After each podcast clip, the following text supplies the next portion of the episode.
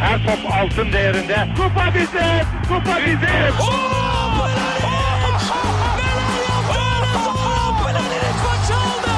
Dengeli de attı. İsabeti de buldu. Magna Fontervi. Zora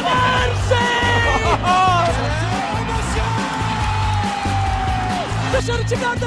Geldi, geldi, geldi.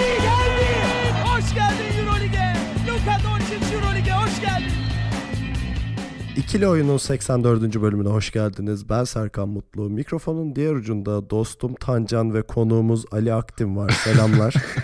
Merhaba. Efendim hoş geldiniz. Hoş bulduk. Ali, Beni hoş konuk geldin. ettiğiniz için Evet. teşekkür ediyorum. Ee, Euroleague ve NBA konuşulan bir podcast bu ama bu bölümde Euroleague konuşacağız. Genelde programlarımız 40 dakika ile 1 saat arası sürüyor. Hani vaktini ayırdığın için teşekkür ederiz. Çok uzatmazsak oradan toparlar ben de kaçayım. Bir lansmana katılacaksınız herhalde bizden sonra. Yani televizyonlar falan biliyorsunuz yoğun program. Yok şey Ben- bugün Boston Bucks serisini bitirmeye gidiyor. Valla şaka maka Ali kendi takımını iyi tanıyor ya. 4-3 Boston demişti. Valla 4-3 biterse helal olsun. 4-3 mü demiştin Ali sen? Aynen. Vay be. Adam çok yakından takip ettiği için yani kaynaklarımız sağlam. Hemen bize görüş, yorum, öneri, soru falan iletebileceğiniz kanallarımızı hatırlatayım. Web site adresimiz ikilioyun.com, mail adresimiz selam.ikilioyun.com, telegram grubumuz t.me slash ikilioyun, Twitter'da ve SoundCloud'da ikili oyun takip etmeyi unutmayın. Yayınlarımızın Geek Yapar'ın YouTube kanalından ve Power FM, Power Up platformundan takip edilebildiğini hatırlatayım. Dedikten sonra Euroleague e, playoff sonuçlarını konuşmaya başlayabiliriz artık. Ee, öncelikle tahminlerimiz neymiş ne olmuş e, köşesiyle başlayayım. Çünkü orada çok bariz bir krallığımı ilan etme durumu var arkadaşlar kusura bakmayın. Yani CSK kim ki serisine 3-0 demişim. Orada hani bir 3-1 bitme durumu var. Onun dışında hepsini tutturmuşum. Ee, o yüzden bana bir saygılarınızı sunup Sana eğilirseniz doğuş forması hediye edeceğiz. doğuş forması kazandın. Ben de bir Head and Shoulders alırım sana. Ee, şey sponsorumuz Head and Shoulders kepe yağlanmaya kesin etkili. Mutlaka Aynen, kullanın. Kafalar. Bu arada yani genel olarak tutturmuşuz. Bir tek Ali'nin Olympiakos Jalgiris'te yani beklenen bir hatası oldu. Ali'cim Neye güvendin hadi neye güvendin söyle. neye Olympiakos? Yalnız bütün konuklarınıza böyle davranıyorsunuz bir dakika. Ya Ulan bizde konuk dediğin tokatlanır. bir şey diyeceğim Tancan. Sana bir eleştirim olsun bu. Ali'nin 3-1'i olabilecek bir şeydi ama senin 3-2'in oluru yoktu bence. Yani bir seri 2-2'ye geldikten sonra Oli'nin sahasına yenileceğini çok zor ihtimal veriyordum ben mesela. Niye adamlar vurdu geçti işte orada. Hayır. İlk maçtan yaptılar benim düşündüğüm. Tamam işte. Hayır işte ilk şeyde çalarlar zaten ben onu düşünüyordum ama hani sen 2-2'ye bir şekilde gelir sonra son maçta biter diyorsun ya. Hani orada Yunanistan'da yenmek zor iş bence son maçta diye Ya düşünüyorum. ben 1-1-1-1 diye gider düşündüm. O yüzden öyle oldu. Yani 2-0 2-0 olsaydı biterdi. 1-1-1 gider 3-2'ye gider diye düşündüm. Neyse Olmadı. çocuklar sonuçta benim Avrupa Çarptılar. basketbolunda otorite olduğum gerçeğini kabul edip isterseniz yavaştan devam edelim yani. Evet, formanı yolluyoruz. Teşekkürler sağ olun.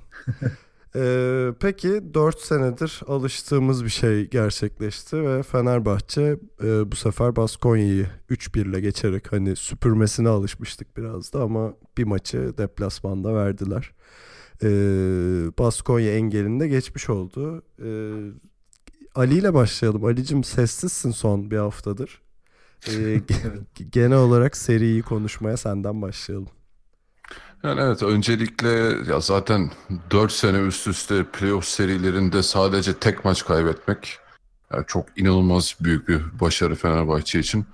Yani artık e, yani o şey hiç kalmadı Fenerbahçe'nin hani maç içerisinde kontrolü yitirme ya da psikolojik olarak geriye düşme ya bunlardan neredeyse eser kalmadı Fenerbahçe'nin işte hani sadece tek maçlık e, mağlubiyeti saymazsak yine Fenerbahçe yani Baskonya'ya karşı üstün olduğunu çok net bir şekilde hissettirerek yendi.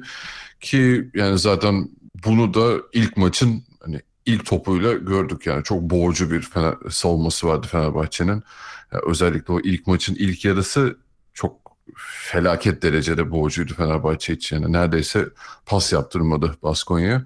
Yani serinin geneline baktırdığımızda e, baktığımızda yani bu üstünlüğü çok fazlasıyla korudu Fenerbahçe. Zaten şeyin de e, şanssızlığına diyeyim Baskonya'nın e, işte yani Granger'ın e, seri öncesi sakatlanması onu hiç kullanamaması üzerine tamamen şeye kaldı işte Boboa ve e, şey neydi ha Huertas'ın e, ellerine baktılar kısa olarak ki zaten yani haritasından da artık bu işlerin biraz geçtiğini e, gördük bu seride. Sadece şey e, ilk başlarda biraz sürpriz oldu.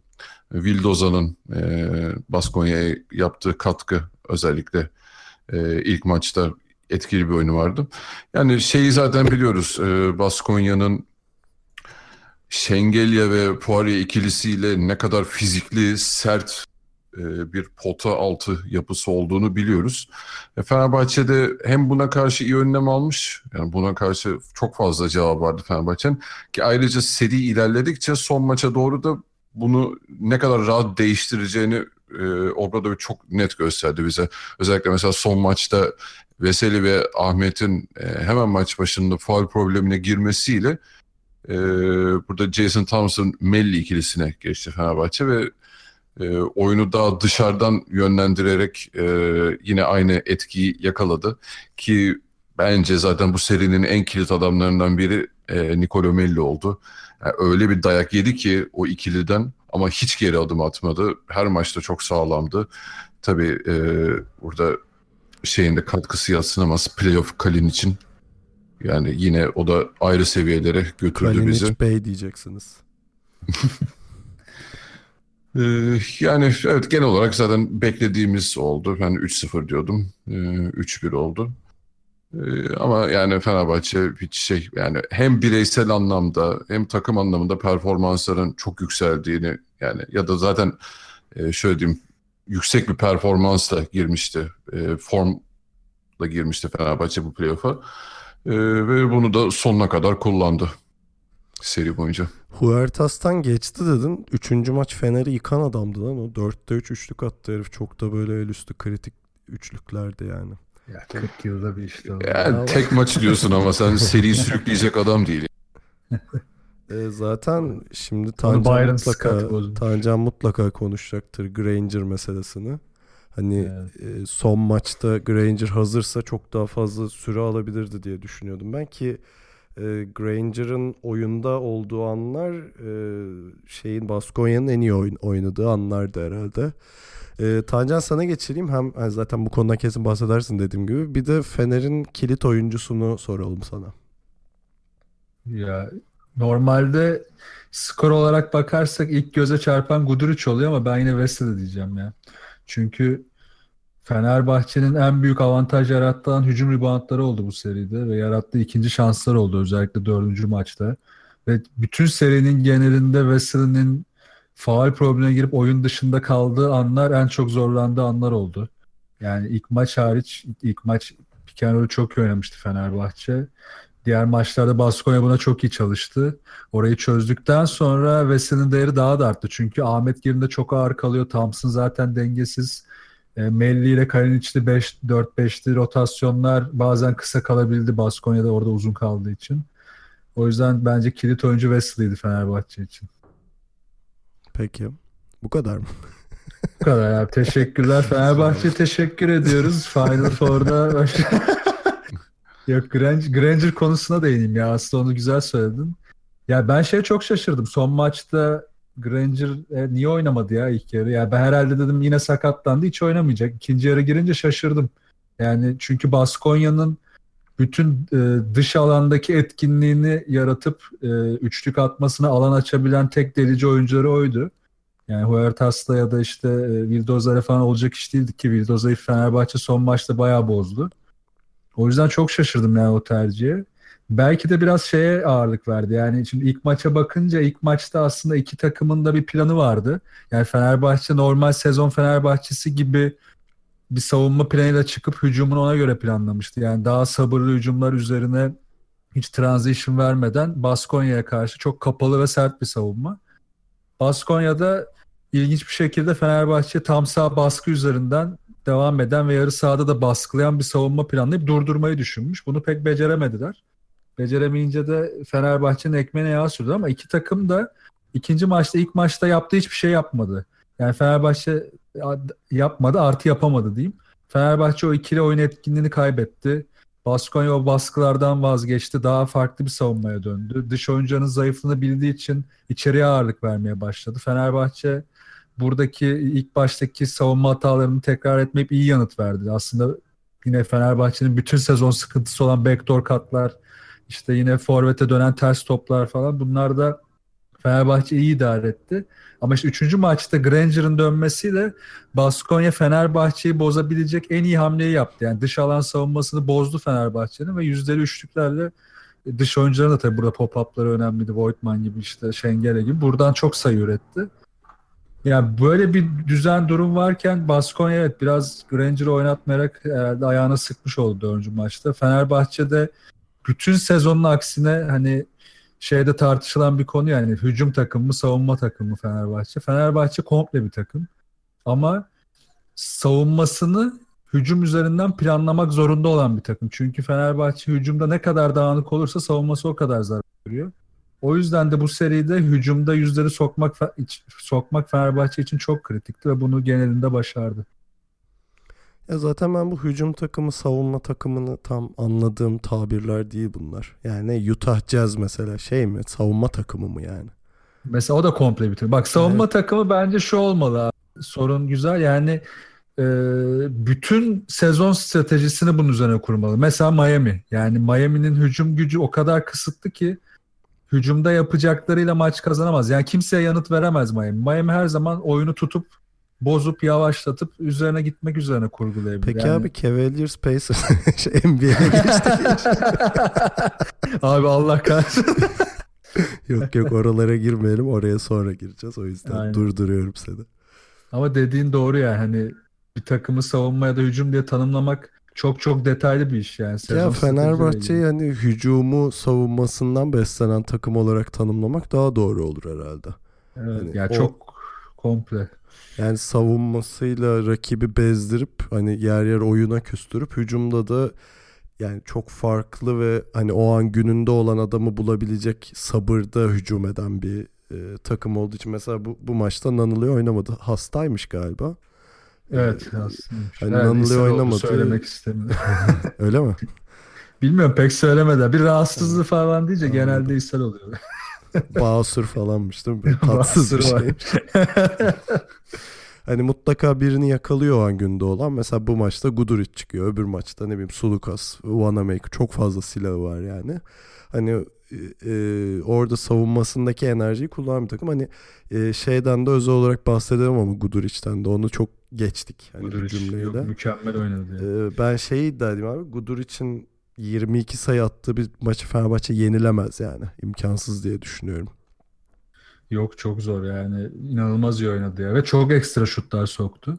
İşte Gudur için bu formu da yani işte bak dediğin konudan devam edeyim. Çok doğru. Yani savunma hücumu besliyor. Hücumdaki düzen yani sabırlı hücum artı yüzdeli şut transition vermediği için Fenerbahçe savunmaya daha rahat dönüp yerleşiyor. Ya bu çok net bir döngü yani. Bu işte şey gibi işte sular ısınır, yükselir, bulut olur, yağmur yağar, geri döner gibi ilkokul döngüsü gibi yani. Çok çok net bir döngü bu Fener bunu Fenerbahçe bunu yaptığı sürece yenilmesi çok zor.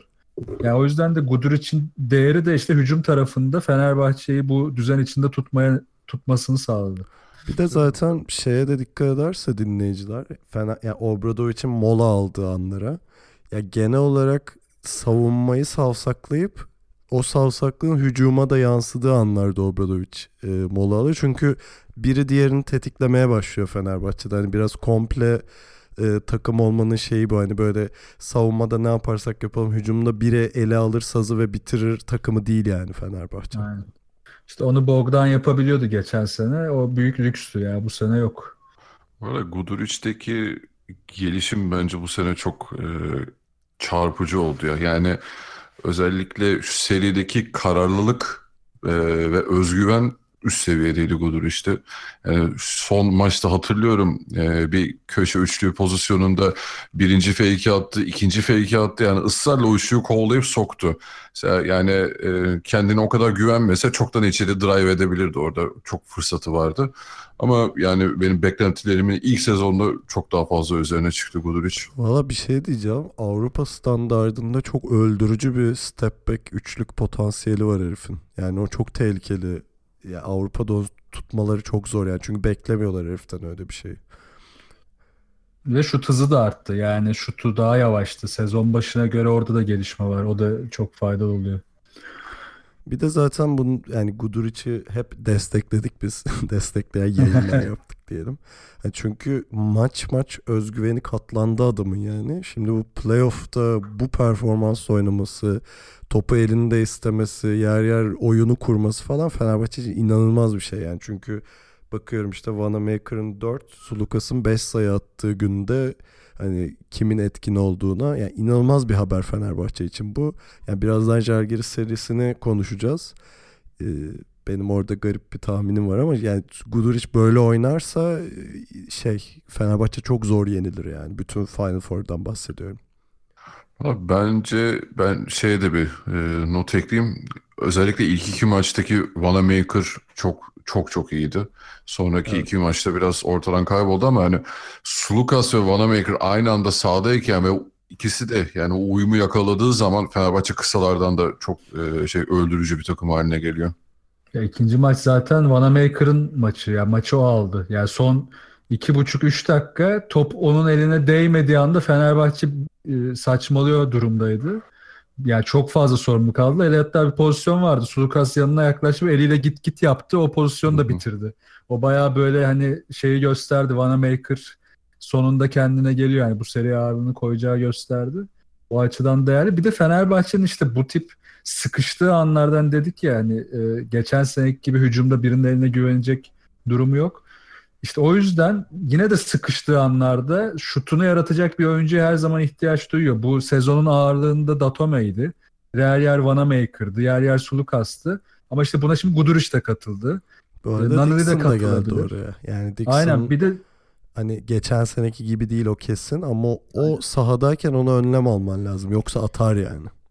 Aynen ve girip kısa sürede vereceği katkının ne kadar değerli olduğunu ya bu 5 ya 1 2 oyuncudan 5 oyuncuya çıkardı Fenerbahçe bu şutunu yaratabilecek rotasyonu. O da bu serinin en umut veren yanlarından biriydi.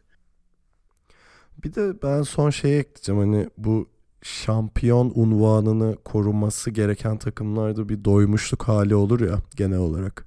Hı hı. Ee, yani Fenerbahçe'de o yok. Birinci sebebi bunun tabii Obradoviç yani hani adamın doymaya niyeti yok o ayrı.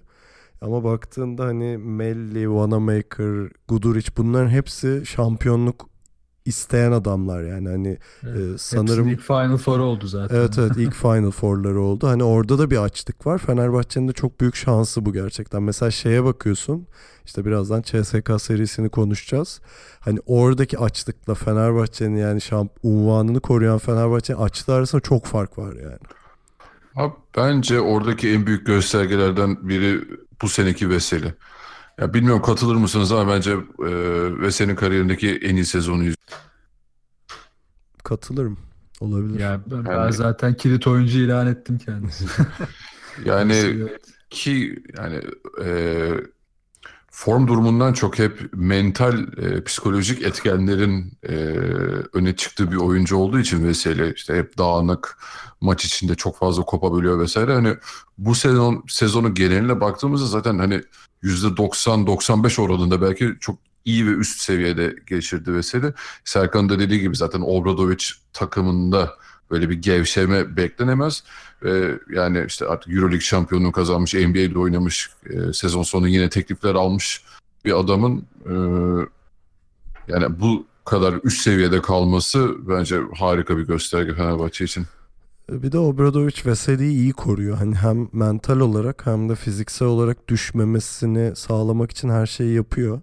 Özellikle işte uzun işte e, beşleri kısalttığı anlar orada işte uzunları dinlendiriyor ya da Ahmet Melli, Thompson'ı e, uzun rotasyonda kullandığı anlar. Bir de takımların özel olarak Veseli'ye oynadığı anlar oluyor. Hani ona özel olarak faal aldırmak için. Çünkü Veseli gerçekten öyle bir adam. Yani ben onu hep kediye benzetiyorum. Kedilerde de vardır ya refleks hayvanı yani kediler. Mesela bizimki şey camdan atlamıştı kuş görüp anladın mı? Yapmaması gerektiğini biliyor ama gör, gördüğü an yapıyor yani. Veseli öyle bir adam gerçekten. Obradoviç de onu korumayı iyi biliyor. Kendi Yani canım. e, gerekirse sürelerini arttırarak, ay azaltarak özür dilerim. E, tabii ki de yani Fener'in kilit oyuncularından biri olmadığını söylemek hıyarlık olur o kesin. Ben zaten Veseli'yi Fener'in yıldız oyuncusu olarak görüyorum. Ben o yüzden Melli hani X faktör ya da kilit adam olarak ben o yüzden Melli'yi söylemiştim. Melli de evet o açıdan doğru diyorsun yani. Ya Bütün Melli seri- böyle seri basketbol IQ'su olarak doğmuş herif. Yani gerçekten çok zeki adam ya. Hiçbir şekilde şey yapamıyorsun adamın. Düğmesi yok yani basabileceğin. Hani herkesin böyle bir zayıf karnı vardır ya. Melli çok iyi kapatıyor yani o eksiği olduğunda da.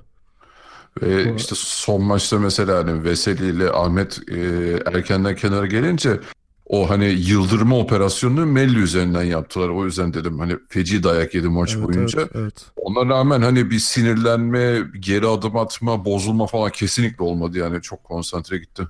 Bu arada hani Melli'de de şöyle bir şey var. Herif beyaz diye çok dikkat çekmiyor ama çok güçlü ve büyük bir adam Melli. Hani şey yani size'ı var aslında. Hani biraz da flex uzun olduğu için hani şutu var, drive'ı var falan filan ama dikkat çekmiyor da çok güçlü herif yani Melli. Ya Fenerbahçe'nin bir de dışarı çıkıp tek şut atabilen dediğin gibi drive edebilen uzun olduğu için bütün seride en kıymetli adam oldu yani. Çünkü birçok takımda bu oyunculardan var. Fenerbahçe'de de bir tane var. Yani Final Four serisinde de Wesley ile beraber e, yapacağı işler özellikle şut yüzdeleri falan çok önemli olacak. Peki Final Four demişken e, atlayalım Jalgiris. E, Dur atlama teyzeyi Atlama. konuşmadı. Aa teyze var. Ha bir de şey var lan benim notlarımda.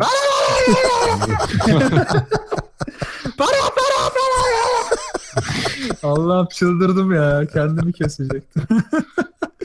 Ay, Gerçekten teyze mahvetti bizi ya. Yalnız o ünlüymüş. Hani sonradan İsmail Yani- Şenol da yazdı. Evet, Ee, ya hep aynı yerde oturuyormuş ve milletin kulak zarlarına tecavüz ediyormuş yani. Abi daha önce kaç tane Baskonya maçı izledik ama ben bu kadar çok rahatsız edildiğini hatırlamıyorum. Sanırım şununla ya. alakalı abi yani bu maça özel midir nedir yani o spiker masası ona yakın mı konmuş bu mu öne Ha. gelmiş yani öyle bir şey de var yani. Hani yoksa Yani- sorun mikrofona yakın olması zaten. Ya bir de ne diyor olabilirsin ya hepimiz maç izliyoruz. Yani çok fanatik taraftar arkadaşlarım da oluyor. Yani ne diyor olabilirsin abi? Devamlı cümleler kuruyor yani. Bir cümle değil 3-5 Tabii cümle. Baskonya serbest atış atarken bile susmuyor karı yani. Çok acayipti. Ki ben mesela şeyden nefret ederim. Ee, Real Madrid'in o sağ içindeki ne işte bir herif var ya sürekli vamos Ha, vamos evet vamos diye ya. bağıran. Ondan da tiksinirdim. O çok şey hafif gelmeye başladı ondan sonra bu kadından sonra. Evet bir hiç please durumu var orada. yani İyi bahsetmiş olduk. Bir de Şengelya Kalinic muhabbetinden de bahsedelim. Ona da yer vermek Aynen. lazım. Yani Abi maç çok tatlı oldu ya. Evet yani maç bitti. Biz tabii bilmiyorduk yaşananları. Kalinic birine doğru dönüp saat kaç saat kaç arkadaşım hadi görüşürüz falan yaptı. Sonra anladık ki e, Şengelya yapmış. Şen, çünkü Şengelya 3. maçta bastığı bir smaçtan sonra Fenerbahçe bench'ine doğru işte artık bizim zamanımız falan diye bağırmış bir gaza gelip. Ee, bu arada hani bu yaşanıyor. Sonra bir Fenerbahçe kutlama yapıyor bir barda, kulüpte bir şeyde. Orada Şengel'e gelip siz hak ettiniz umarım şampiyon olursunuz falan filan diye gönlünü alıyor. Yani yavaştan Şengel'e Fenerbahçe'ye doğru diyebiliriz. Adım Şey- adım Fener'e. Ayrıca Kalinic'e de pasif agresif diyebiliriz ya. İçine Bu arada- atmış atmış. Bu arada gerçekten Kalinic öyle bir adam ya. O da şey Evet. tekinsiz bir herif. Ben şeyi hatırlıyorum. Ee, Real deplasmanında işte o 3-0 gene süpürülen 3. maçında işte böyle Fener artık garantilemiş. Kalinic oyundan çıkarıyor. Demiş Kalinic böyle süpürge hareketi falan yapıyor. Deli yani Kalinic. Panathinaikos birisi değil miydi ya? Panathinaikos muydu? Panathinaikos Ha, okey ya da o yani. Aynen. Ya Hani tam o- pasif agresif ya. Eyvallah, eyvallah olan bir arkadaşımız değil. Yani. Neyse Kalinic'in de zaten bu arada Kalinic demişken ona da ufak dedim dördüncü maçında en kritik adamı oldu yani. Tabii tabii. Çok Kesin. çok Yani kritik o- hücumlar. Bu arada o da hani standarda bağladığı için mesela Melli'yi de özel olarak övmüyoruz. Herif 21 sayı atmış. Ee, yani Kalinic'in güzelliği de Fenerbahçe için sezon boyunca gördüğümüz şey sırtı dönük e, top alması, o anda yardımı çekip bitirebiliyorsa kendisi bitirmesi ya da dışarıdaki adamı görmesi. Fenerbahçe inanılmaz bir enstrüman katıyor bu. E, bu maçta da fazlasıyla kattı zaten. Evet, zaten o geçen sene repertuarına kattı işte köşe üçlükleri, ceza üçlükleri falan da yani tam belki geçen seneki kadar çok e, atmıyor playofflarda bu sene ama yani evet o böyle içine insanın bir hoşluk oluyor, rahatlık geliyor. Sırtını alınca böyle savunmayı oh, tamam diyorsun şimdi Geçen güzel sene, bir şeyler olacak. geçen sene Stojakovic gibi atıyordu zaten bu sene öyle atmıyor. Evet ya bu sene daha sokamadı. Ee, Tancan artık geçebilir miyiz abi izinle? Geçelim abi herkes anlasın. Buradan malzemecisinden sağlık ekibine efendim. Siirtli Fenerbahçeliler Derneği'ne ya bu arada ger- gerçekten Fenerbahçe'yi özel olarak tebrik etmek lazım. Yani bunu bir standart haline getirmek çok önemli. Bunu e, Kaan Kural hep söyler. E, hani o, o zirveye çıkmak bir iş zaten. Ama zirvede kalmak başka bir iş. Yani bunu bir şans faktöründen ziyade ben organizasyonumla ben buradayım arkadaşım. Burası için mücadele ederim diyebilmek. Ki yani öyle bir durum oldu ki şu an Final Four'a çıktı. Herkes çok olağan bir şeymiş gibi davranıyor. 2-3 sene önce böyle değildik yani. Tabii canım çıldırıyorlardı. Ve yani şeyle de bunu yapmak ayrıca değerli. Hani iki tane süperstarını kaybederekten yeni yapılanmayla gelmek tam iskeleti korudu ama yani o iki eksiye rağmen yine tekrar e, playoff yapmak çok e, yani Final Four yapmak çok büyük başarı. Ama şimdi asıl büyük başarıya geçelim. Žalgiris Olympiakos serisine geçelim. Ne güzel bağladım gene ya. Bazen böyle şeyler yapabiliyorum. Sen açtın olayı. Artık Evet, yavaştan TV'ye mi alsaksın? Yorumlarımla Beyaz Spor'dayım. Ne o? Beyaz A, Spor. A Spor. Neyse. A Spor. Aa Namoski falan diye öyle şeyler. Yok yani herhalde şimdi biz 3 kişilik ekibimizin ikisi Žalgiris geçer diyordu. Hani bunun bazı teknik taktik sebepleri vardır ama baktığında hani o tahmini yaptığında sürpriz bir tahmin olduğu biliyorsun. Yani bu Final Four'un sürprizi nedir dersen kesinlikle Žalgiris dersin. Ee, yani e, sezon içinde çok konuştuk. İşte Jasikevicius sevgimiz zaten baki. Ama e, bu kadar komple bir takım olmaları e, sanırım şey bir de e, Euroleague'deki en düşük bütçeli ikinci takım Žalgiris. E, ve eldeki bütün silahlardan inanılmaz verim almaları, takım olarak reaksiyon vermeleri falan. Yani her şeyleriyle bir peri masalındalar şu anda. Ee, Şimdi Fenerbahçe ile eşleştiler. Onu daha sonra konuşacağız. Elenebilirler, eleyebilirler. Her şey olabilir ama bu sezonun kesinlikle flash en iyi takımı e, Žalgiris benim gözümde. Yani yaşattıkları şey tarifsiz ve e, tabii ki de o Jasikevicius'un son maçtaki gözyaşları falan. Yani inanılmaz hikayesi olan bir e, sezon geçirdiler. Çok mutluyum yani kendileri adına. Burada da Tancan'la başlayalım bu girişten sonra. Başlayalım abi. Ee, ya Olympiakos Žalgiris serisini tahmin ederken ben şeyi düşünüyordum işte. Zaten onu da söylemiştim. Olympiakos'un sezondaki o yüksek savunması son dönemde o son 5-6 maçlık periyotta bayağı düşmüştü. Ve hani o savunma düştükten sonra Olympiakos'un zaten hani hücumdaki hala yükü e, Spanulis'in üstüne yığması işte ve diğer oyuncuları maç maç devreye sokması, hepsinin aynı sayfada olmaması gibi sorunlar vardı. E Şimdi bunlar bir araya gelince Žalgiris gibi sette inanılmaz hareketli hücum eden, hiç durmayan ve herkesin Olympiakos'un tersine aynı sayfada olduğu bir takım çok fark yaratacaktı. Yani bunu düşünmüştüm. Ama bunu düşünürken de işte hani o 1-1-1-1 gider dedim ya hani Žalgiris'in hep tecrübe sorununa ben aslında takılıyordum. Burada da Pangos'u tebrik etmek lazım. Ayrıca Ben Udrih'i de tebrik etmek lazım. Yani Udrih takviyesi işte o tecrübe sıkıntısını çok iyi kapatmış. Yani Pangos oynadıyken, Udrih oyundayken bütün takımı çok iyi bir arada tuttu. Oyunun yönlendirmesini çok iyi yaptı. Ya Ben bu kadar beklemiyordum. 36-37 yaşındaki bir oyuncudan Žalgiris için bu kadar katkı vermesi cidden beni şaşırttı. Sen Ya ne serinin- Dwayne Wade benzer, benzetmesi mi yapmıştın? Neydi? Öyle mi yapmıştım? Öyle şey Hatırlayamadım hatırlıyorum şimdi. sanki. Olabilir. Olabilir. Ya, yani bu kadar beklemiyordum yani. O yüzden de yapmış olabilirim. Ama cidden şaşırdım. Ee, üstüne de Pengos'un zaten mükemmel oyunu geldi. Ama işte Jalgiris'in sezon boyunca yaptığı en iyi şey şuydu. Olympiakos gibi, CSK gibi, Fenerbahçe gibi takımları yenmesi için 48 40 dakika boyunca bak yine kafam NBA'ye gidiyor. 40 dakika boyunca yani aynı düzeyde oynaması şart. Yani ne olursa olsun bu takım e, ne kadar iyi seviyede olursa olsun malzemesi çok belli. E, bazı kısıtları var. E, bunları kapatmak için 40, 40 dakika boyunca hep aynı şey yapması lazım. E, bunu yapabildiği 4 maç oynadı. Yani bu çok korkutucu. 4 maç 40 dakika yani 160 dakika boyunca hep aynı şey yaptı. E, bu yani Final Four'a girerken beni en çok korkutan takım Jalgiris şu anda bu yüzden. Bunu devam ettirirlerse Fenerbahçe karşısında ne yapacaklarını çok merak Çünkü ediyorum. şimdi şöyle bir şey var. Ben mesela Fenerbahçe ile Žalgiris playoff'ta karşılaşsa Fenerbahçe favori derim. Ama şimdi diyorsun ya 40 dakika üst seviyede oynamaları lazım. Ya bunu sadece iki maç daha yapmaları lazım düşündüğünde. Evet. işte. Hani Euroleague Final Four böyle bir şey. O yüzden gerçekten çok tekinsizler. Yani Philadelphia gibi takımlar yani. Ve bunu yaparken işte yine kısalarına değineceğim. İnanılmaz düşük top kaybıyla oynuyorlar. Mesela ilk maçta e, o ilk maçta Pangos 0 top kaybındayken Sponis 6 top kaybındaydı. Yani bunlar işte serinin ana dengeleyicileri oldu ve yani Spanulis'in üzerine çok yığıldığında bunu geçen sene, ondan önceki sene de gördük artık bazı şeylerde tercihlerde zorlanıyor. Yani çok yorulduğu belli saha içinde ve o zaman daha fazla dış şut kullanmaya başlıyor. Yani girerse zaten hani sağına vurdu, soktu hiçbir şey diyemez ama girmediği maçların hepsinde kaybetti zaten Olympiakos. Ve hani iki o Spanulis gördük sahada. Biri drive eden Spanulis, bir de şut atan Spanulis. Drive eden Spanulis işte Žalgiris'i en çok bozan dakikaları yarattı. Ona da çok iyi çözüm ürettiler. Orada da zaten çember savunmasını çok iyi yaptılar. Ya her şey hazırlanmış e, Jasikevicius.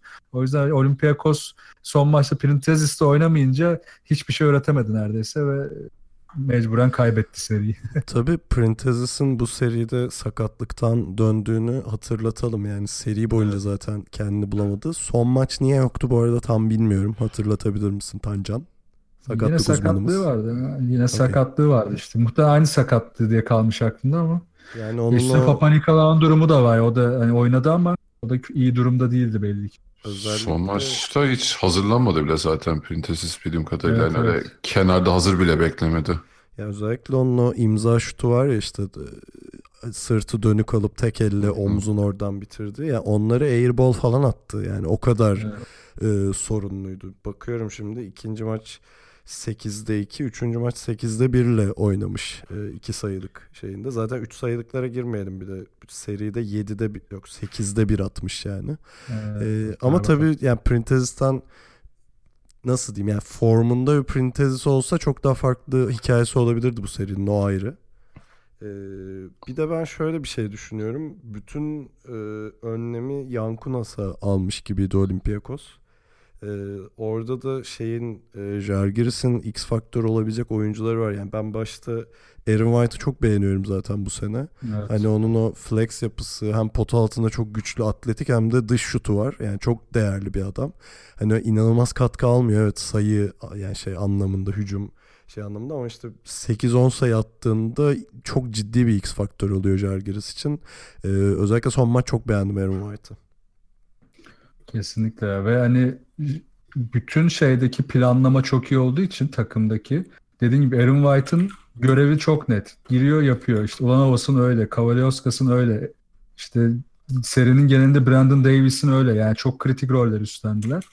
Ve hani bu şey güzelliğini de gösteriyor. Yani genelde Litvanya milli takımında herkes şut atar. İşte her zaman hareketlidirler. O 90'ların sonu 2000'lerin başındaki o genel yani bilinen Litvanya takımı gibilerdi. Yani 6-7 oyuncu üçlük attı yani. Bu çok büyük bir çok geniş bir silah. Yani herkes üçlük sokabiliyor takımda neredeyse. Çok değerli. Üstüne Ulanovas ve Yankunas'ın hem içeride hem dışarıda devamlı denge bozması. Ya bu çoğu NBA takımının bir arayıp da bulamadığı şeyler. Ama işte bu adamları da bu seviyede oynatabilmek ve herkesi işte oyunun içinde tutabilmek tabii yine Jasikevicius'un başarısı. Ee, Ali sana burada söz vermedik ya. Ne haber? ya abi. ya bence şeyin de mesela yokluğu ilk maçta çok fazla etkiledi Olympiakos'u Papa Nikolaou'nun olmayışı. Zaten ilk maçtan çaldırınca e, seriyi e, orada işin rengi bayağı bir değişti. E, sonrasında Serkan dediği gibi zaten Printezis'in yokluğundan e, çok çektiler. E, yine Tancan'ın dediği gibi ben zaten size katılarak geçeceğim. o dördüncü maçta ya Allah'ım o drive ettiği pozisyonlar içler acısıydı ya. Yani her pozisyonda yerde kaldı, bir faal almaya çalıştı, alamadı. Yani tamam e, skoru bir şekilde tutturmaya başardı kendi için ama e, takımı çok fazla geriye çekmeye başladı e, öyle durumlarda. Ya zaten e, bu şey eşleşmeyi yorumlarken ben de demiştim yani şey bana çok gerçekçi gelmiyordu. E, Jalgiris'in tüm seri boyunca işte artık belki 5 maça gidecek bir seride her maç e, aynı ritmi formu yakalayabileceğini ya da sürdürebileceğini düşünmüyordum. O yüzden ben tahminlerimi yaparken ki çünkü e, yani Yunanistan deplasmanları da hiçbir zaman kolay olmaz. E, ben o yüzden tahminimi e, Olympiakos'tan yana kullanmıştım ama yani e, Saras hocamız e, çok aşırı bir şekilde yanılttı beni diyeyim. E, yani baş döndürücü bir top trafiği vardı Jalgiris'in. E, Olympiakos ritim bulamasa bile, istediği seviyeye çıkamasa bile maçları koparabilen bir yapıda. Bunu defalarca e, izledik e, playofflarda, Final Four'larda. Ama e, bu sefer olmadı ve artık hani, e, o Spanulis'in sürükleyiciliğinden e, artık bundan sonra sıyrılacaklardır herhalde diye düşünüyorum. Çünkü e, artık yolun sonuna gelin de herhalde orada diye düşünüyorum. Yani emekli olur demiyorum ama hani Olympiakos'un artık o yapıdan biraz da çıkması, değişmesi gerekiyor gibi ki yani Seferopoulos da mesela e, sevdiğimiz hocalardan biridir. Bu seri boyunca e, Jalgiris'in e, şeyine hiç karşılık veremedi. Ama abi yok o kadar enstrüman da yok şimdi elinde yani çok fazla Spanulis'e yüklenmek durumundasın. E, Papa Nikola da sakatlıktan yeni dönmüş. Printezis zaten da dönememiş. Militinov da sakattı. Yani e, gerçekten pek yapacak bir şeyleri de yoktu şimdi düşününce. Bir de tabii o Jalgiris'in açlığı, inanmışlığı yani bunları da eklediğinde bir de gençliği falan e, gerçekten Jalgiris bir de rahat geçti yani. Özellikle Litvanya'daki maçları çok rahat oynadılar. Evet. Bu arada üçüncü maçta bir hücumunu hatırlıyorum Jalgiris'in. Topu yere vurmadan e, böyle 7-8 pas yapıp içeride bomboş adam falan buluyorlar. Çünkü o kadar hareketliler ki yani hem perimetrede hem pota altında e, yani orada enerjileriyle geçip en sonunda bomboş adam. Bu arada gerçekten topu yere vurmadan yani. Çok acayip. Abi zaten o pas trafiğinde ve o hız içerisinde Pangos'a ayrı bir e, paragraf açmak lazım. Yani şey gibi oynuyor Space Jam'de hani e, şey Bugs Bunny'nin su üretmişti ya kendi kafasına göre ya. şey yazmıştı. Michael'ın gizli şeyi falan diye. Yani sanki şey Saras da öyle bir şey hazırlamış da Pangos'a içirmiş gibi yani bu sene çok çok ayrı seviyeye çıktı yani çok e, izlemesi ya. aşırı keyifli adamı. Bir de herkes mutlu ve neşeli değil mi ya Cergi? Herkes hevesli, mutlu. Ben Utah'a benzetiyorum biraz. Onlar da böyle. Eski tabirle kolej takımı havası var yani. ben de işte Obradovic'le ilk iki Final Four'undaki Fenerbahçe'ye benzetiyorum biraz hallerini. Evet. Hani ya bütçe olarak değil ama gene de underdoglar e, şeyler işte ne o tecrübesizler falan ama çok yetenekliler yani ve çok iyi de bir koçları var. Ee, yani çok iyi koç demişken konuşmak istemeyeceğiniz şeyi konuşmaya başladım. Çok zor yani bunu tahmin etmek. Ya her zaman da söylüyoruz zaten Euroleague Final Four'u çok acımasız bir şey. O gün bir oyuncun ya da iki oyuncun formdadır ya da formsuzdur her şeyi değiştirir yani. Kimseyi böyle kesin favori diye yazamazsın. Ama herhalde itiraf etmek gerekirse Final Four'un en acayip eşleşmesi de bu yani işte Obradoviç'te Saras arasındaki ilişki, Jalgiris'in açlığı, Fener'in unvanını korumak istemesi falan filan derken çok ciddi bir e, eşleşme var önümüzde. E, var mı tahmini olan? çok çok zor soru. Yok abi buna tahmin yapılmaz ya. Yani zaten iki takımın da sezon geneline baktığında hani çok iyi sezonlar geçiren iki takım. Yani Jalgiris'inki zaten peri masalı o ayrı bir şey. Ama yani şu takım şu ağır basar falan demek yani favori bir kağıt üzerinde büyük ihtimalle Fenerbahçe'dir. Yani çünkü e, hani işte 4 sene 4 Final Four yani çok inanılmaz bir stabilite var orada. Obradovic'in takım olması falan ama hani Jalgiris de kazanırsa kimse de şok olmaz herhalde diye düşünüyorum. Ya şok olmamanın yanı sıra üzülmez de gibi geliyor bana. Yani Ben üzülmem canım. Ee, Direkt hani- şampiyon olsalar sevinirim üstüne. tabii tabii yani Fenerbahçe taraftarı için de söylüyorum. E, Finalde destekleyecek bir takımları olur. Çünkü Jalgiris'inki gerçekten özel bir hikaye ve bir de tabii Euroleague Final Four'un şeyi de var. E, formatı da müsait. Hani bir maç daha oynuyorsun ve şampiyonsun yani. iyi oynamaya devam ettiğin takdirde. hani gidip orada best of seven, best of five oynamıyorsun yani. Ee, yani finalde destekleyecekleri bir takım olur. Yani ben şeyi zaten söylüyorum. Kağıt üstünde Fenerbahçe'nin favori olmadığını söylememek saçma bir şey olur. Ee, ama Jalgiris alabilir diyorum ben. Öyle diyeyim size. Ya valla biraz psikoloji çok fazla ön plana çıkacak ya. Hep şey aklıma geliyor. Bu Bielitsa'lı Fenerbahçe'nin Real Madrid'den yediği dayak aklıma geliyor. Yani orada şey, şey psikolojik faktörler falan hani Fenerbahçe daha pişmemişti takım olarak. Ee, yani Jalgiris'in başına gelecek anlamda demiyorum ama bunlar da tabii mutlaka etken olacaktır. Ben o zaman birkaç istatistikle bu seriye yanıt vereyim. Yani cidden çok kafa kafaya ya. Şöyle genel playoff istatistiklerine baktım da mesela verimlilik puanında Fenerbahçe 1, Žalgiris 2. Yani direkt tepedeler. E, offensive rebound'da yine öyle Fener yani offensive rebound Fenerbahçe 11 ortalamayla 3. sırada. CSK burada birinci. Yani Žalgiris'e tek e, üstünlük sağladığı yer burası Fenerbahçe'nin. Asiste 1-2'ler. Asist turnover oranında 1-2'ler. True shooting'de 1-2'ler. Üçlük yüzdesinde Žalgiris bir Fenerbahçe üçüncü.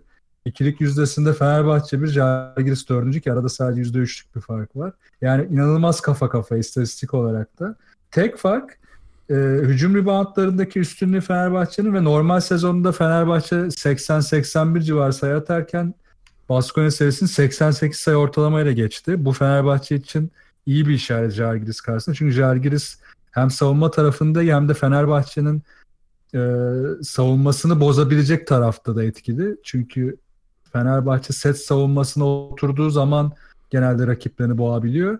O yüzden burada Fenerbahçe'den hani iki şey bekliyorum ben. Bir hani daha baskılı bir savunma. En azından 4'te 3 sahada ya da yarı sahada devamlı Pengos'u ve Udri'yi baskılayacakları bir savunma. Ve bu savunmanın üzerine daha fazla top çalma, kovalama ve yine offensive rebound kovalama üzerine bir strateji olacak Fenerbahçe'de.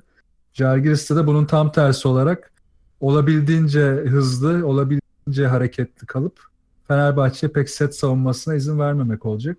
Ya cidden çok kafa kafa. İstatistikler de bunu söylüyor ama işte 4 senelik Final Four tecrübesi yeni takımların o Final Four heyecanına e, kaptırdığı anlarda neler ol- olduğunu gördüğümüz için Fenerbahçe'yi ben de bir adım önde görüyorum ama Jalgiris de şampiyon olursa Jalgiris.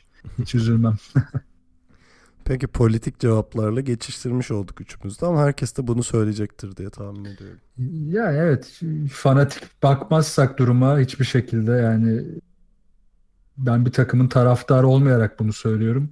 Cidden Žalgiris'i desteklemek lazım. Yani basketbolun Avrupa'daki basketbolun gelişimi için de değerli. Yani hani bütçeler konuşulurken devamlı yani bütün takımlar bunu konuşurken bu bütçelerle de neler yapabileceğini göstermesi çok kıymetli Žalgiris.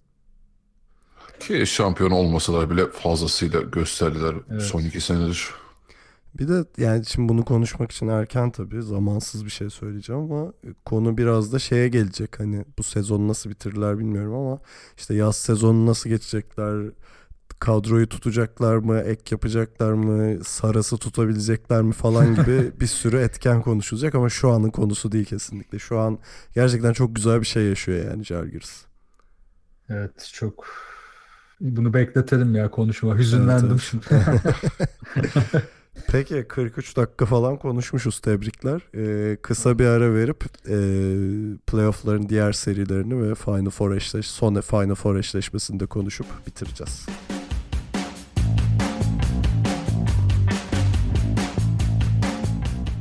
Evet Doğu'yu konuştuk şimdi Batı'ya geçelim.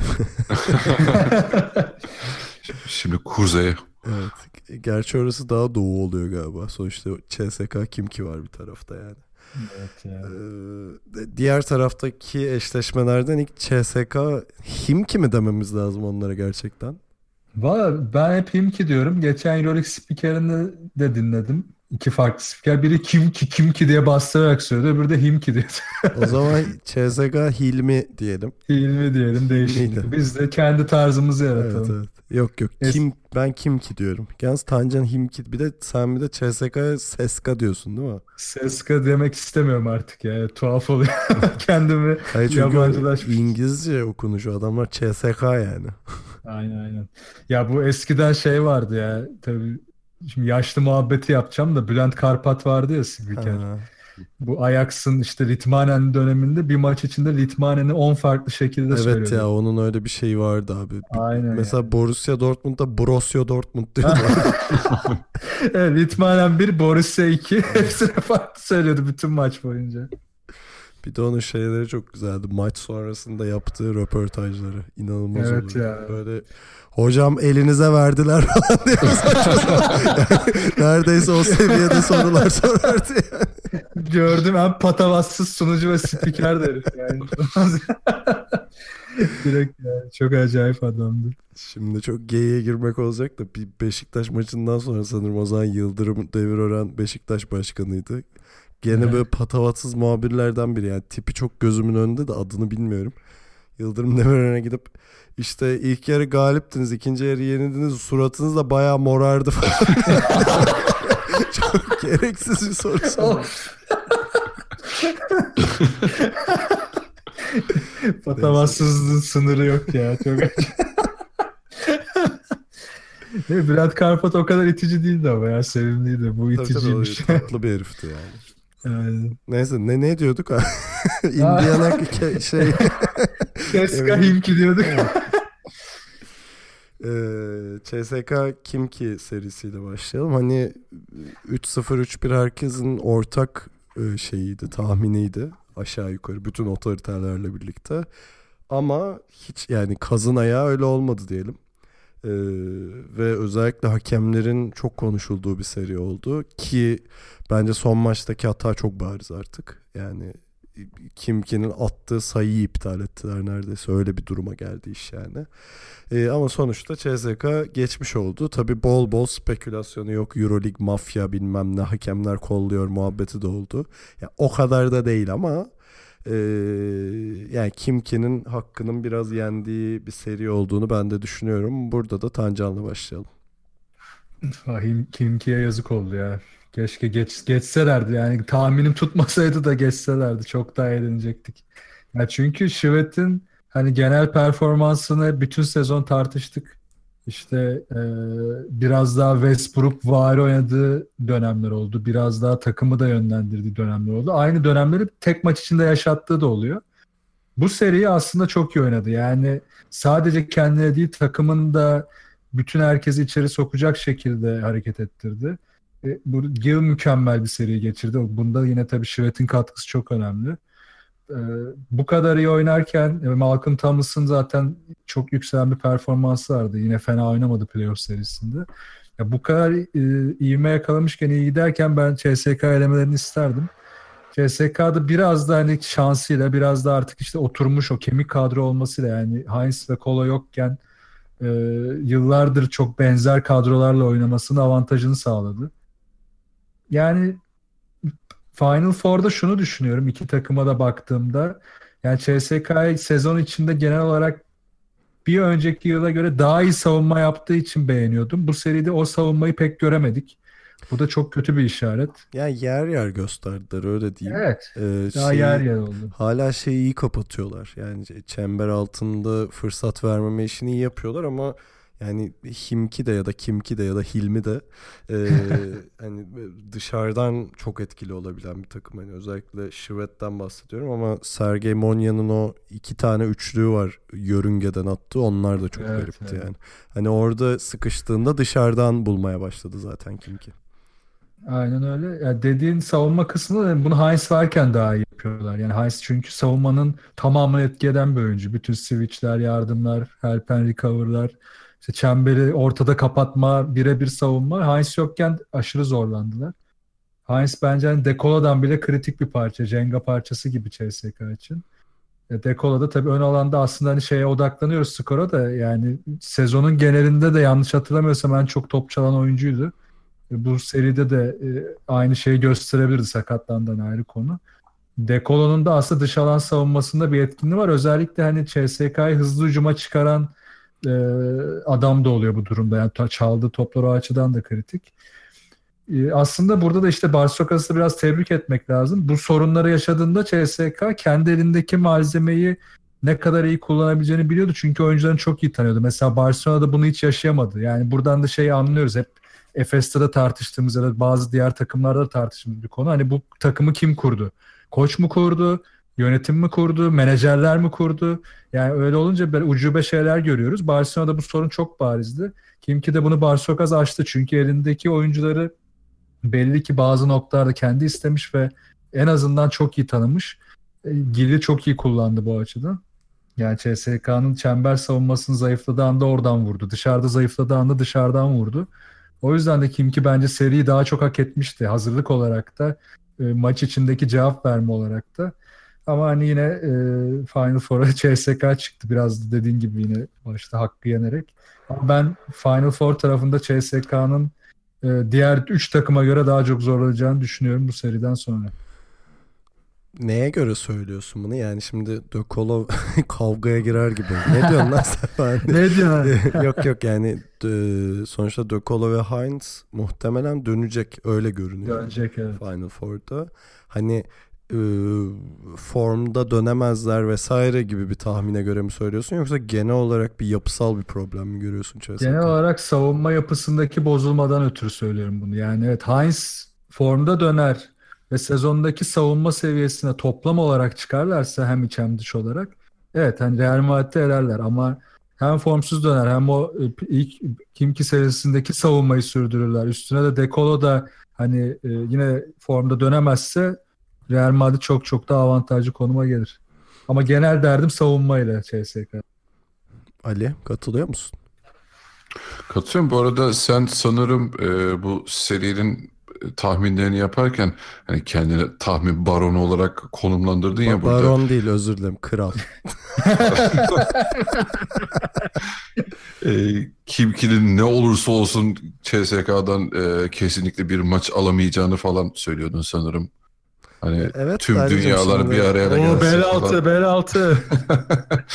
Şimdi Ali'cim tahmin yarıştırmayalım. Kral benim ama yani ikincilik için kapışabilirsin. Yok Gelecek yani. sezon bahis köşesi açıyor muyuz o zaman? Yalnız ben bir şey söyleyeyim. Ee, Heinz ve De Colo'nun sakat olduğunu bilmiyordum ben şimdi. Yani kendimi savunmak gibi olmasın. Zaten De Colo son anda sakatlandı sanırım. Ya da ilk maçta mı sakatlanmış? İlk maç var, ilk maçta, evet. Ha. E, Heinz'ı bilmiyordum mesela. Hani e, onu bilsem belki bir maç alır falan derdim. Neyse. Olur ya en iyiler de yanılır öyle şey. Neyse genel olarak ben de e, tahmini yaparken zaten CSK'nın daha rahat bir seri geçireceğini düşünüyordum. Ama işin hiç öyle olmadığını gösterdik. Yani e, Şved'in çok daha rolünü e, değiştirerek oynadığını gördük ki bunu hani şeyde e, sinyallerini zaten yazın vermişti daha e, Rus milli takımında. E, yani şey açısından biraz tatsız oldu ya. Çok içe sinmedi. Bu kadar çok hakem hatası yani direkt sonuca etki edecek hakem hataları hani tam faal çalarsan e, görmezsin gözden kaçar falan da hani o ilk maçtaki o çizgiye basma muhabbeti kimdi? Veli sevindi sanırım. E, Galiba. ki gayet de e, çok da iyi bir maç oynadı e, ilk maçta. Yani işte o net bir şekilde basmadığı halde bastı çaldılar işte son maçtaki saçmalık falan. Yani seri içerisinde e, CSK'ya karşı çok daha rahattı hakemler. Hani onlarla kazandı demiyorum ama e, hani seri bitince böyle e, ağızda bir tatsız bir şey oldu. Tat bıraktı yani. E, onun haricinde e, CSK'nın evet Tancan'ın bahsettiği gibi hem savunmada problemleri var ama hücumda da bazı şeylerden kopmuş durumdalar. Hani e, bu seri boyunca çok fazla e, Rodriguez'in eline kaldıkları maçlar oldu ki ikinci maçın e, tamamı neredeyse öyle geçti. E, bu açıdan tabii mesela çok e, iyi bir sezon geçiren Corey Higgins, e, buna ek olarak e, Clyburn'un katkısı, hani tamamen birebir oynayabilen, içeri drive edebilen, orada bitirebilen adamlar. E, bundan çok fazla yararlandı e, Itudis seri boyunca. E, daha önceki senelerde şeye daha çok alışkındık, alışkındık işte hani Voron Sevic ve Kurbanov üzerinden e, ilerleyen CSK sistemine e, bu tabii sakatlıklar yani sonuçta şaka değil yani hem hücum liderini hem savunma liderini kaybedip bu seriye çıkmak da kolay değildi onlar açısından. E, o adaptasyonu bir nevi böyle sağlamış oldular. Tabii burada bir de e, şey de söylemek lazım. Hani Semen Antonov diye bir adam çıkıp bir de serinin e, kaderini değiştirdi demeyeyim ama çok fazla etkisi oldu. Hani e, biraz sürpriz faktörlerden biriydi o açıkçası benim için. Ben zaten ilk kez gördüm herifi. Gerçekten. Bu kim lan diye. Şampiyona da vardı ya. Yok muydu ben mi yanlış vardı vardı. Vardı değil mi? Yok yani genelde hiç dikkat çekmeyen bir herif. Yani şimdi Ha, ha, sezon, tabii tabii istatistiklerine de bakıyorum. Öyle çok fazla CSK maçı izlemedim. Yani CSK maçı izlemek zevksiz bir şey benim için açıkçası. Ee, yani çünkü kendi sahasında oynuyorlar. Seyirci yok falan. Bir de yeniyorlar falan tat kaçıyor. Ee, ama playoff'ta verdiği bu katkı çok acayip yani. Yani daha çok şeyden alışkınızdır bu role. Warren Sevinç'ten e, alışkınızdır bu role. Ama e, dediğim gibi yani vasat e, bir sezon geçirirken playoff'ta e, bu kadar çok katkı vermesi CSK açısından e, çok değerliydi. Ben Kimki'de de hani Anthony Gill yani Şivet zaten e, özellikle son maç hani efsanevi bir performansı gerçekten ama seri boyunca da Anthony Gill gerçekten harikaydı yani o da şey e, çok çok beğenerek izledim onu. Kim ki Euroleague'e nasıl gel geldi? Şey finalisti olarak değil mi? Rusya Ligi e, finalisti olarak geldi. Galiba evet. Şimdi Sanırım evet. bu sene belli mi o durum? Valla bakmadım hiç yani. Ha. Sezon sonunda bakarız diye. Bakmadım. Yani şey düşünüyorum çünkü e, bu da onlara bir gaz oldu tabii ki de hani e, playoff yaptılar. CSK'da da kora kora oynadılar. Hani Şved'in yanına ona biraz daha fazla tamamlayacak bir adam almaları yani işte biraz abartı bir benzetme belki ama hani Şved Harden'sa yanına bir Chris Paul getirmeleri durumunda diyeyim. Ee, çok can yakıcı bir takım olabilirler. Tabii Bart Sokas hep sevdiğimiz bir koçtu zaten. Onu da korumaları şartıydı herhalde. Burada yanlış hatırlamıyorsam işte geçen sene şey vardı. Kuban vardı. Onlar şampiyon olamayınca giremediler. Evet, Takım evet. dağıldı falan. E, ondan sonra Yok şampiyon geldi. olmak değil abi. Zaten Rusya'da CSK şampiyon oluyor o kesin. Yani finalist Hı hı. otomatikman çıkıyor CSK'nın A lisansı olduğu için. Öyle bir Evet. şeyi var. Öyle bir şey yani. oluyor. Yani Yani. CSK'nın finalde yeneceği takım Euroleague'e geliyor böyle bir. Yeni jet. Ya, acayip bir durumları var yani. Böyle buna da söylemişken şey de üzücü oldu ya. Kızıl Yıldız'ın gelemeyecek ona hiç Sırp takım olmayacak seneye. Evet ya o o zor bir durum olacak. Üzücü. Neyse bunları sezon sonu değerlendirmesinde falan konuşuruz yani. Evet şu an şey yapmıyorum. Bir tek ben şeyi söyleyeceğim abi. Bunu hem NBA hem Euroleague izlerken çok yakınıyorum artık. Yani hakemlerin izlenilecek pozisyonları izlememesi hiç izlenmeyecek yani kendi kararını vereceği pozisyonda da gidip izlemesi pozisyonları yani maçı çok durduruyor birincisi. İkincisi de yani bir adaleti sağlayamıyorlar işte. Dün gene NBA izlerken ya gidiyor şeye bakıyor. Buna sportmenlik dışı mı çalmalıyım falan. Abi gördün gördün çal yani. Bir de gidip şeyi şey yapıyorlar. e, oyunu bölüyorlar. e burada da aynısı oldu kim ki e, CSK maçında da. Yok efendim süreye bakacakmış. 5.1 saniyeden 5.7 saniyeye çıkardı. Al bir tarafına monte et yani 0.6 saniye. Adamların Ya çok göz önünde şeylerde bir de hata yapıyorlar ya. Yani gözünün önünde olana da bakıyor artık. O bana şey çok upuzun ve saçma bir cümle kurdum. Hakemler hata yaptıkça daha çok hata yapmamak için hata yaptıkları pozisyonlara bakıp daha çok hata yapıyorlar. böyle, böyle saçma sapan bir Unutma, döngüye giriyorlar. Unutulanlar unutanları asla unutmaz bence. Aynen aynen bu işte. şey gibi işte seven öpülür öpen bir şey. Ya bu konuya girmek gerçekten çok tat kaçırmaya başladı. Yani yazın aynı şeyi konuştuk işte o Eurobasket'te bir hakem rezaleti vardı. NBA'de bu sene ayrı bir hakem rezaleti var. Hani bu seri boyunca hakemler patır patır döküldü falan artık yani. Ne işte tat kaçırıyor bunlar. Hakemlerin önünü açın. Peki tadımızı daha çok kaçırmadan diğer e, seriye geçelim. Panathinaikos Real Madrid. E, tabii enteresan bir şey oldu. İki Yunan takımı da e, saha avantajına rağmen elendiler. Bir de üstüne bunu Panathinaikos iki sene üst üste yaptı. Geçen sene Fenerbahçe süpürmüştü. Bu sene de hani ilk maç inanılmaz bir Real Madrid'e karşı performans. Sonra Real Madrid'in toparlanması ve e, seriyi 3-1'e getirmesi şeklinde bir hikayesi oldu.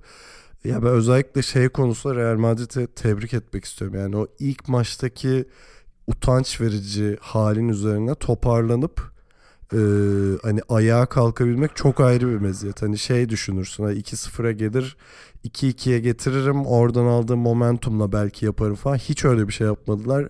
İkinci maçtan itibaren e, çok iyi bir Real vardı. Tabii bir de e, Yul'un geri dönmesi hikayesi var herhalde konuşacağımız. Ali burada da senle başlayalım. Yani evet dediğin gibi 20-0 mı 22 mi ne başlamıştı ilk maç öyle çok. E, 20-0 evet. 20-0'a darmadan başladı yani Real Madrid bu seriyi. Zaten ilk maçta Kalates e, rekor kırdı sanırım. 16 asisti. Çok yani hiçbiri de öyle şey boş asistler değildi yani öyle yanındakine verdi ya da e, birine verdi iki adım attı soktu falan şeyler değildi yani bayağı iyi oynadı. E, dediğin gibi zaten Lül'den yoksun başladı Real Madrid bu seriye. O ilk maçtan sonra Lasso demişti zaten hani gelip otelde bize dalga geçtiler korkak tavuklar dediler bize yolda falan hani bir şey e, tepki vereceklerdi tabii ki buradan onu çok e, hızlı bir şekilde verdiler Real Madrid'in artısı oldu. Valla yani bu eşleşmenin en anormal olayı sanırım Felipe Reyes. Yani ben Bütün- inanamıyorum Bütün artık. sezonun değil mi Oğlum abi? sezonun anormal olayı. Kaç kere konuştuk hala Reyes'le maç alıyorlar diye yani. Yani bu kadar şampiyonluk yaşamış, doymuş bir yani doymuş olmasını bekleyeceğim bir kariyerden sonra hala çıkıp böyle yani bir playoff serisinin e, seyrini değiştirmesi falan ben, in- ben ne diyeceğim bilmiyorum. Gerçekten büyük saygı hak ediyor. Yani Real Madrid'in böyle bir bize karşı özellikle itici bir tarafı vardır. Biraz hani çok çirkefe yatabilirler falan ama yani buna saygı duymaktan başka yapılacak hiçbir şey yok. Neyse eşleşmeye gelirsek yani e, ilk maç haricinde seriyi daha çok isteyen e, taraf bence Real Madrid'ti. Ya bence Panathinaikos'ta şöyle bir sıkıntı var. Ya şimdi Mike James'i bu seri boyunca büyük ihtimalle kötü olarak değerlendirmeyiz. Yani şey e, özellikle istatistiklerine baktığımız zaman yani adam 20 küsürler attı sürekli daha ne yapsın diyebilirsiniz ama o şey kafasından çok sıyrılamamış bir şekilde. Yani bu ilk geldiğinde de, e, normal sezonun son maçlarında da söylemiştik. O Phoenix NBA kafasından tam sıyrılamamış gibi. E, bunu da şu açıdan diyorum. Hani olması gerektiğinden çok daha rahat bir şekilde oynuyor Mike James. Hani sanki tanking yapan bir takımın bir parçası gibi rahat bir şekilde atıyor. Ve bu Panathinaikos'un bence genel e, şeyinde takımına yansımış bir havası vardı. Mesela Antetokounmpo, işte Marcus Denman, Adrian Payne falan, e, Kenny Gabriel. Ben o olması gereken ciddiyette görmedim Panathinaikos. O e, olması gereken açlık, istek, o hırçınlık yoktu bence Panathinaikos'ta. Çünkü Mike James gitmeden önce e, bu kadar böyle değildi yani e, bizim hatırladığımız Panathinaikos'taki. E, onun haricinde Evet, Lul'ün dönmesiyle o da gayet zaten kaç 8 ay falan yoktu yanlış hatırlamıyorsam. Ee, hani muhteşem döndü demeyeyim ama e, hırslı döndü. Gayet aç bir şekilde döndü. Ee, yani onun haricinde bilmiyorum ya bir şey çok da sürpriz olmadı. Yani ben Panathinaikos'tan zaten şey beklemiyordum. Ee, böyle bir Real Madrid'i vurup geçmesini düşünmüyordum. Tam tersine e, Real Madrid tamamen seri kontrolünü ikinci maçtan itibaren ele alıp geçmeyi bildi. Bu arada şimdi baktım üçümüz de bu seriye 3-1 demişiz. Helal olsun lan. Ya biliyoruz da konuşuyoruz. Ya Yo, Mike. James'ten olabilir. ya Ali çok doğru söyledi ya. Yani Mike James konusu o kadar doğru ki o bütün sezon içindeki akıcılık, e, genel takım ahengi hani bunlar biraz daha klişe tabirler ama hepsi maalesef çok doğru. Mike James bunların %90'ını bozdu. Yani evet, skor olarak ya da işte istatistik olarak sahaya koydukları küçük değil ama yok yani Panathinaikos'un işi bu değil. Yani bir de bunu geçen sene de yaşadılar. Üstüne tekrar bunu yaşıyorlar. Yani mesela uzunların nasıl oyundan düştüğünü ya da işte sezon içinde daha istikrarlı performans vermesi. Örneğin Gist'in bir maçı bir maç kötü oynamasının nedeni de bence Mike James. Çünkü Karates herkes oyun içine sokuyordu. Ki zaten bu bütün playoff serisinde genel olarak takıldığım konu bu oyun içine sokma konusu. Guardları ya da işte genel e, top yönlendiriciler diğer oyuncuları ne kadar oyun içine soktuysa o takımlar o kadar iyi oynadılar.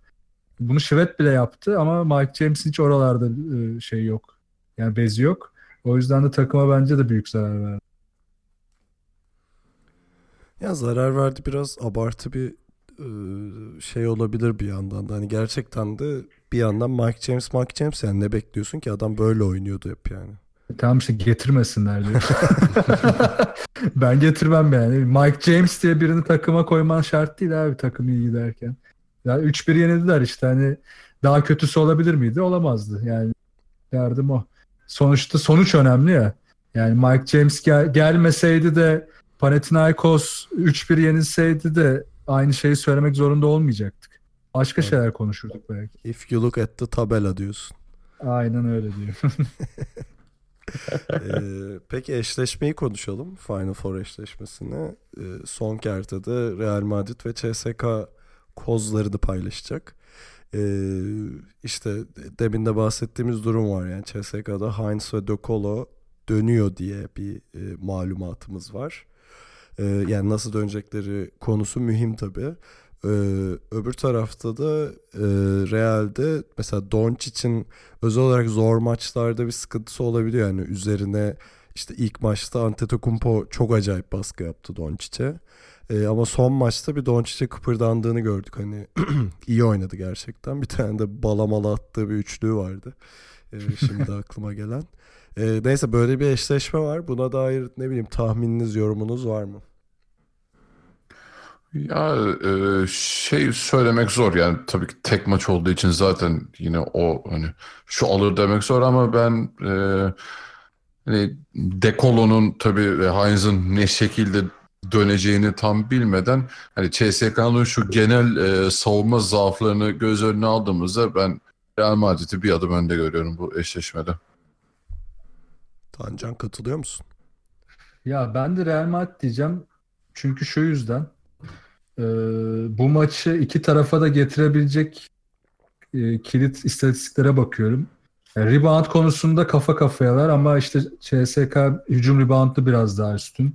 İşte 3 sayılık yüzdeleri, 2 sayılık yüzdeleri bunlar da genelde yakın ama burada mesela bir anomali durumu var. Yani Real özellikle bu ikinci maçta Panathinaikos serisinde yarattığı bir anomali var. Yani ilk 3 çeyrek sonunda reboundlarda 30'a 9 öndeydi. 13 3 13 hücum rebound almışlardı ve ikinci şansta da 19'a 5 bir üstünlük sağlamışlardı.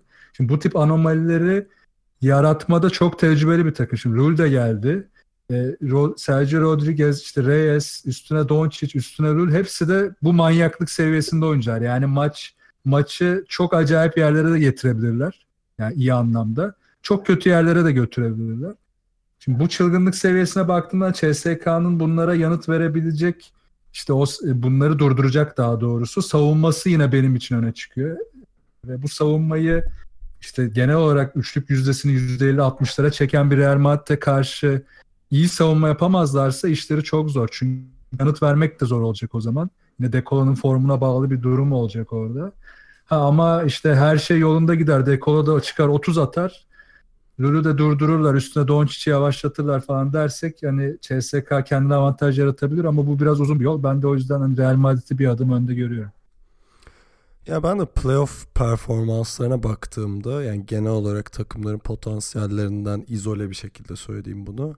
Ee, Real Madrid'in çok da çetin bir seriden diyeyim. E, alnının akıyla çıktığını CSK'nın normalde çok rahat geçmesini bekleyeceğim bir seride çok gereksiz yere zorlandığını düşünüyorum ben ne olursa olsun.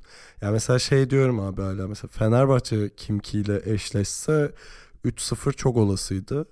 Ee, Burada baktığında hani işte 2-2 ya gelebilirdi bu seri işte CSK 3-2 çıkabilirdi vesaire ne olacaksa olurdu da hani oradaki seviye farkı biraz ortaya çıkmış gibi görünüyor ama yani işte bahsettiğimiz şey Final Four'da ne olacağı belli olmaz vesaire. Ama yani kağıt üzerinde ya da işte şey olarak baktığımda playoff performanslarında Real Madrid bir adım önde benim için de. Ama Tancan'ın dediği gibi De Colo çıkar 30 atar işler değişir. O da hiç belli olmaz yani. Evet. Peki şöyle bir jimnastik yaptırayım size. Ee, ama burayı çok kısa geçelim. Programda uzadı iyice. Tamam. Ee, olası final eşleşmelerinde ne olur diye soracağım. Mesela Real Fener eşleşti ne olur? Fener. Fener. Real Jalgiris. Hmm. Huu. Zor yerden soruyor hep ya. Gönlümden Jalgiris geçiyor. Jalgiris diyeceğim. Biraz da kalbimin sesini dinleyeyim. Jalgiris olsun ağlayalım beraber. Peki CSK Fener. Buna CSK demiştik. Evet. Ama bu son durumdan sonra ben buna da Fener diyeyim. Ben de. Yani Fener'in finalde olduğu her senaryoda ben Fener diyorum zaten. Ee, CSK Jalgiris. Bu da Jalgiris ya. Oo. İddialıyım. CSK. Sırf Tancan'a uyuzluk olsun diye. Doğuş formama göz diktim. Ee, peki böyle bitireceğiz. Son sözüm şu olsun bu arada. Euroleague yönetimine şeyim var. Akreditasyon için başvurduk. İkili oyun Belgrad'a gitmek istiyor. Bu sesi duyun. Hashtagle paylaşın bize destek olun. Hashtag ne bilmiyorum ama. hashtag yok. Genel bir hashtagle destek ol.